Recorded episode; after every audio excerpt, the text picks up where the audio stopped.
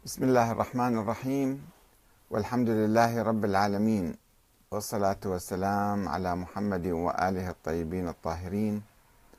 ثم السلام عليكم أيها الإخوة الكرام ورحمة الله وبركاته. المرجعية الدينية الشيعية تختلف عن المرجعية الدينية السنية بأنها مستقلة عن الحكام. ومرتبطة بالشعب. وذلك لتكوينها المالي لاعتمادها على الأخماس والزكوات التي تجبيها مباشرة من الناس. ولأنها أيضا كانت تعتبر الحكومات في عصر غيبة الإمام الثاني عشر حكومات غير شرعية حتى لو كانت شيعية. ولذلك لا تأخذ منها الرواتب ولا تسمح لها بالتدخل في شؤونها آه، الدينية والعلمية والسياسية. وهناك تجارب رائعة وعديدة آه، لهذه المرجعية التي ارتبطت تاريخيا بالجماهير المسلمة ودافعت عن حقوقها ومصالحها في مواجهة الحكام والمستعمرين ويبرز من هؤلاء المراجع المرجع المرزا محمد حسن الشيرازي آه الذي قاد ثورة التنباك أو انتفاضة التنباك في سنة 1891 آه وتلت وتلته بعد ذلك سلسلة من المواقف آه، الشجاعة والحكيمة والثورية والمقاومة لعدد آه، كبير من علماء الدين في إيران والعراق. وسوف نقوم باستعراض الحلقة الأولى هذه آه، عن السيد المرزا محمد حسن الشيرازي وكيف أحبط محاولة بريطانيا لاحتلال إيران. تحت ستار اتفاقية التبغ عام 1891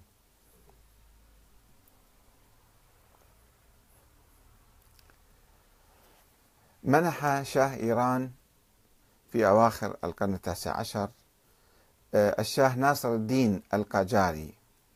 منح امتياز انحصار التبغ لشركة بريطانية عام 1891 في الوقت الذي كان التبغ أو ما يسمى بالتنباك في إيران ذيك الأيام يشكل 20% من اقتصاد إيران في أواخر القرن التاسع عشر ولم يكن النفط قد ظهر بتلك الصورة. وكانت الاتفاقية تقضي بحصر بيع وشراء وتصنيع وتصدير التبغ للشركة البريطانية. يعني ممنوع على أي مواطن إيراني أن يبيع أو يشتري أو يصنع التبغ. ما عدا هذه الشركة فقط له حق زراعة التبغ. وكانت الاتفاقية آه هذه لم تترك للمواطن الإيراني سوى الحق في زراعة التبغ وتسليمه للشركة. فقد أصدرت الشركة قرارا بمنع بيع وشراء التبغ إلا بواسطة الشركة أو إذن خاص منها. يعني يصبح المواطن الإيراني وكيل لهذه الشركة في أرضه. وكذلك منع تخزين التبغ أكثر من حقتين للاستعمال الشخصي يعني كمية قليلة. ثم بدأت الشركة بالهجوم على المزارع بعد ما أخذت الامتياز يعني. بدأت بالهجوم على المزارع والمخازن واستلاب التبغ بالقوة والنار. بالقوة. يجب أن تسلموا كل ما لديكم من تبغ إلى هذه الشركة. مما أقلق الشعب الإيراني بشدة.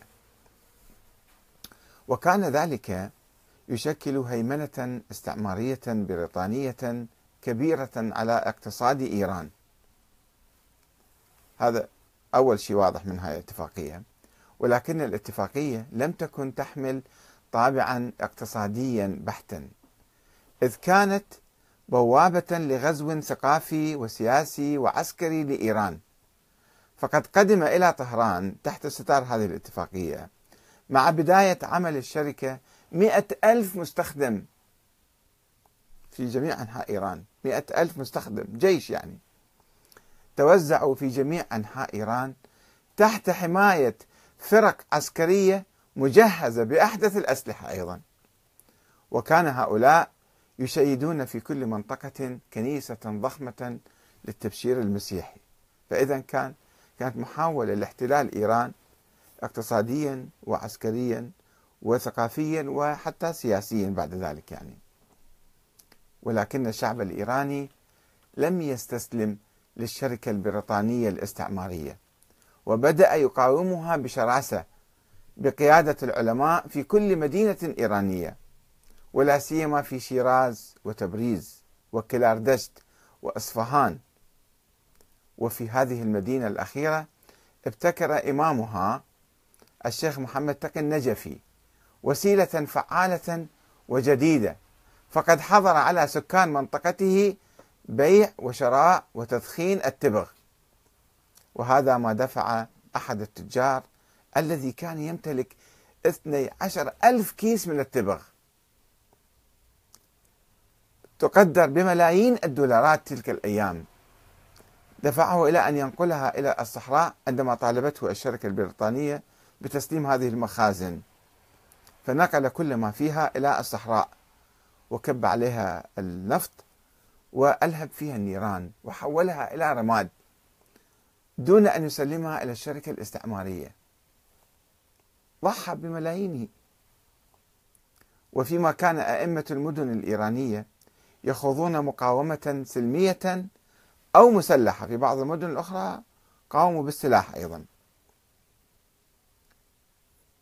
ضد الشركة البريطانية اتجهت أنظار الشعب الإيراني بصورة عامة إلى المرجع الأعلى المرزا محمد حسن الشيرازي اللي توفى سنة 1895 ولد 1815 وتوفى سنة 1895 الذي كان يقطن مدينة سامراء في العراق.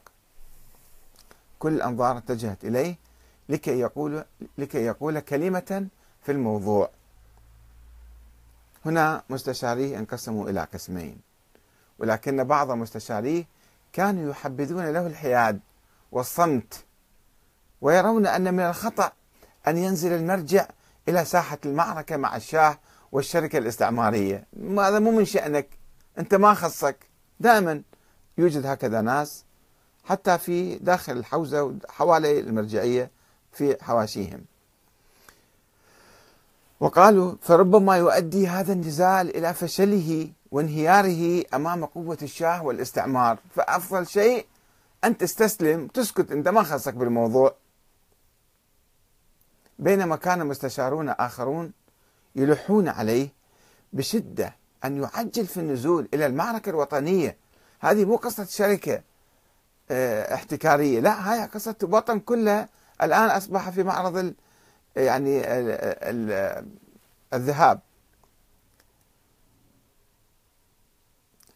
ومن بينهم من بين هؤلاء العلماء الذين كانوا يدفعونه إلى النزول آه، آه، سيد جمال الدين الأفغاني كان قريبا بالحوزة وهو الذي كان يحرضه على أنه أنت أدخل في هذه المواجهة.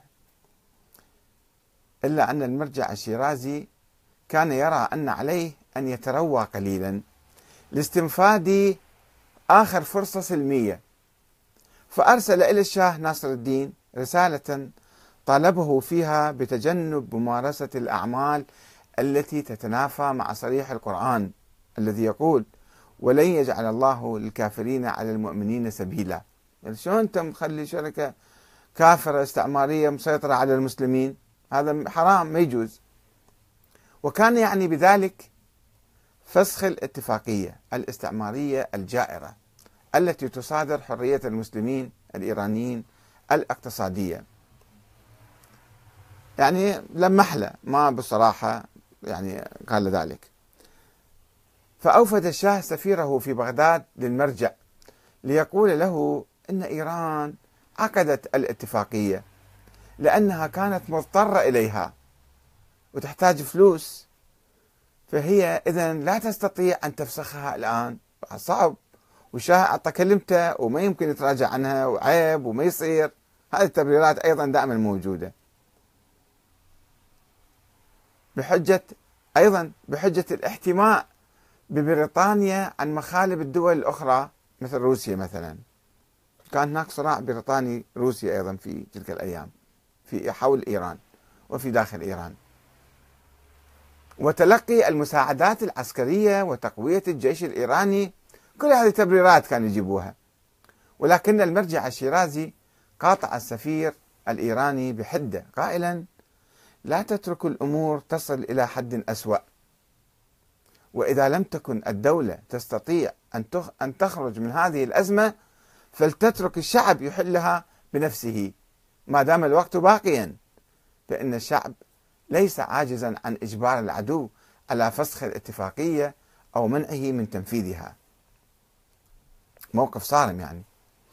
وهدد المرزا محمد حسن الشيرازي السفير قائلا إذا لم تفسخ الدولة الاتفاقية فسوف أفسخها أنا بإرادة الله تعالى.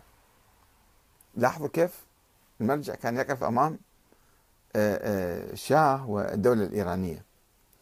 وأرسل الشيرازي رسالة إلى الشاه قال فيها إن الاتفاقية تشكل خطرا بالنسبة إلى الإسلام كنظام مطبق وكعقيدة في قلوب الملايين. وبالنسبة لحرية المسلمين وكرامتهم وهي تشكل نافذة للاستعمار الجديد. هذه مو بالعسكر جايين عن طريق الاقتصاد جايين هالمرة. وأنهى المرجع الشيرازي فترة التروي والدراسة وأصدر قراره الحاسم بتاريخ 3 ربيع الثاني 1309 هجرية المصادف 3 على 11 على 1981 ولم يكن يتجاوز السطر الواحد. بسم الله الرحمن الرحيم. إن استعمال التبغ بأي صورة تعني محاربة الإمام صاحب العصر والزمان محمد حسن الحسيني التوقيع. بس كلمة سطر واحد. ثم أتبع الفتوى بفتوى ثانية لتحذير الحكومة. جاء فيها إذا لم يلغى امتياز التنباك بشكل كامل سوف أعلن الجهاد خلال 48 ساعة. الفتوى الأولى للشعب والفتوى الثانية للحكومة. ويذكر بعض المؤرخين أن السيد جمال الدين الأفغاني الذي توفي سنة 1897 كان له دور كبير في دفع المرزا الشيرازي ليصدر تلك الفتوى.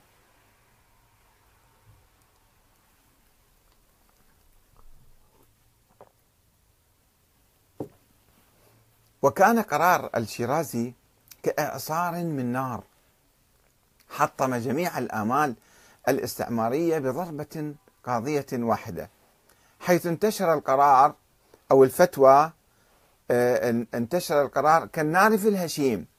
والتزم الشعب الإيراني بمقاطعة زراعة وبيع زراعة وبيع وشراء واستعمال الدخان.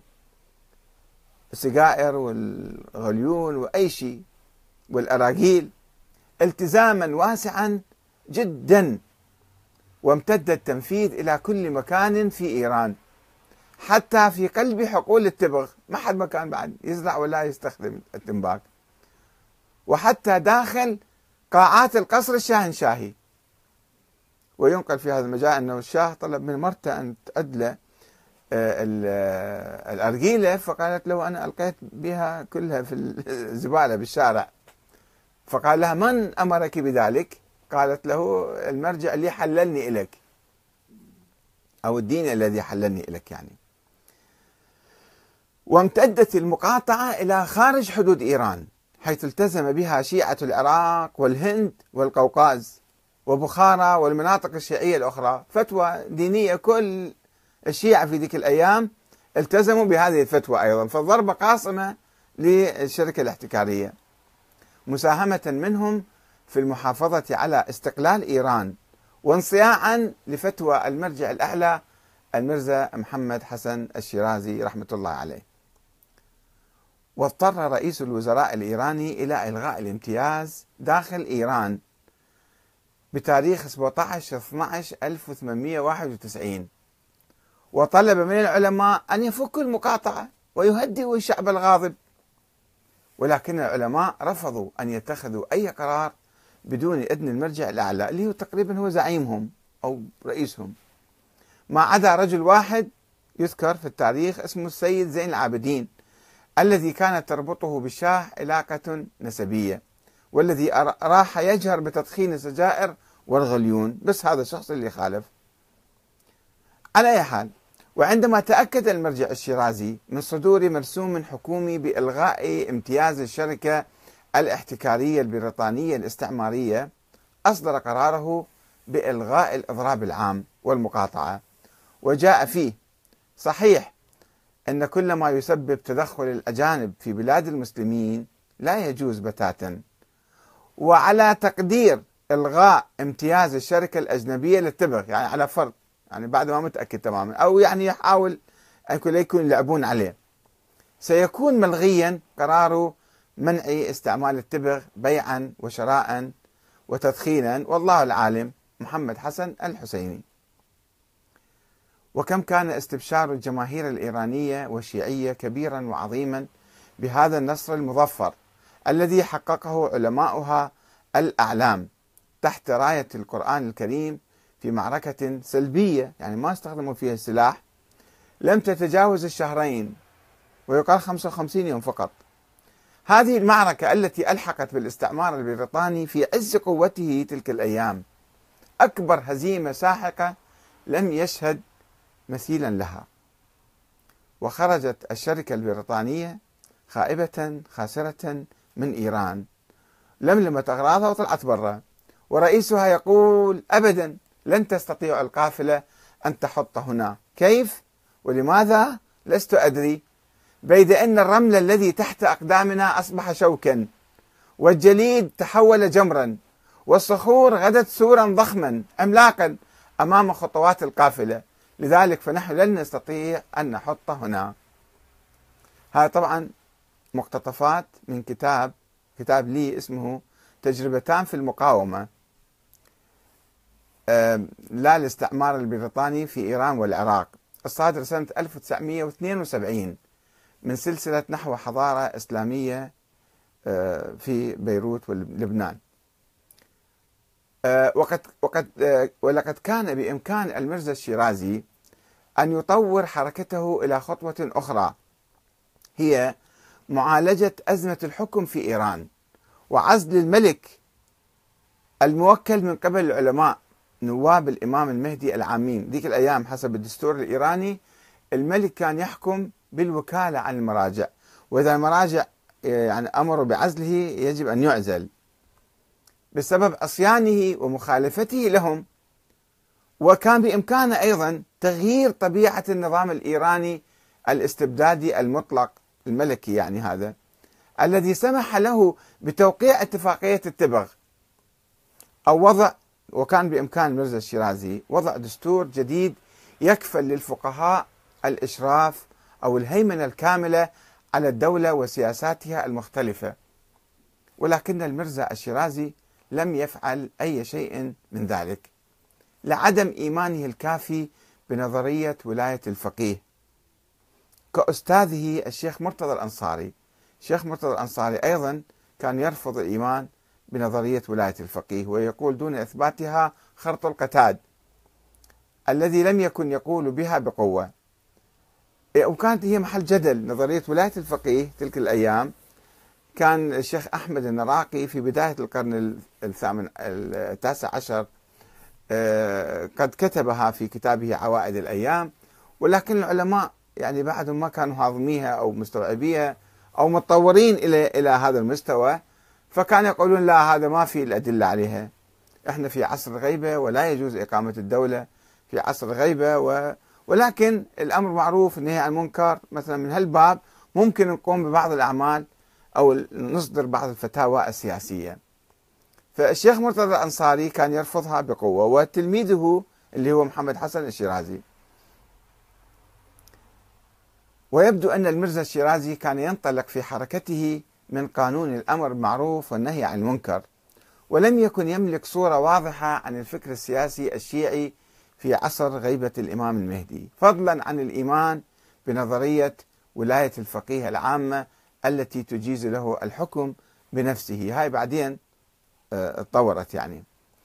وطبعا ما كان عنده موقف من النظام الملكي أنه هذا النظام مثلا يعني يجب أن يسقط ونقيم نظاما ديمقراطيا شعبيا. بعد الفكر السياسي الشيعي لم يكن وصل إلى هذه المرحلة. سوف نتابع في الحلقات القادمة يعني ما بعد هذه المرحلة كيف قاد العلماء بقيادة آه، الشيخ محمد كاظم الآخوند الخراساني وعلماء إيران هو كان في العراق هذا كان في النجف وعلماء آه، إيرانيون آخرون كيف قادوا آه، ثورة الدستور ما تسمى بالمشروطة ثورة المشروطة أن الملك يجب أن يخضع لبرلمان لمجلس شورى ولا يجوز أن هو يروح يوقع هو راح سفرة إلى بريطانيا ووقع الاتفاقية وورط الشعب الإيراني. فبدأ الفكر السياسي يتحرك ويتطور. إن شاء الله في الحلقة القادمة نتحدث عن حركة المشروطة أو الحركة الدستورية الديمقراطية الإسلامية في إيران. والسلام عليكم ورحمة الله وبركاته.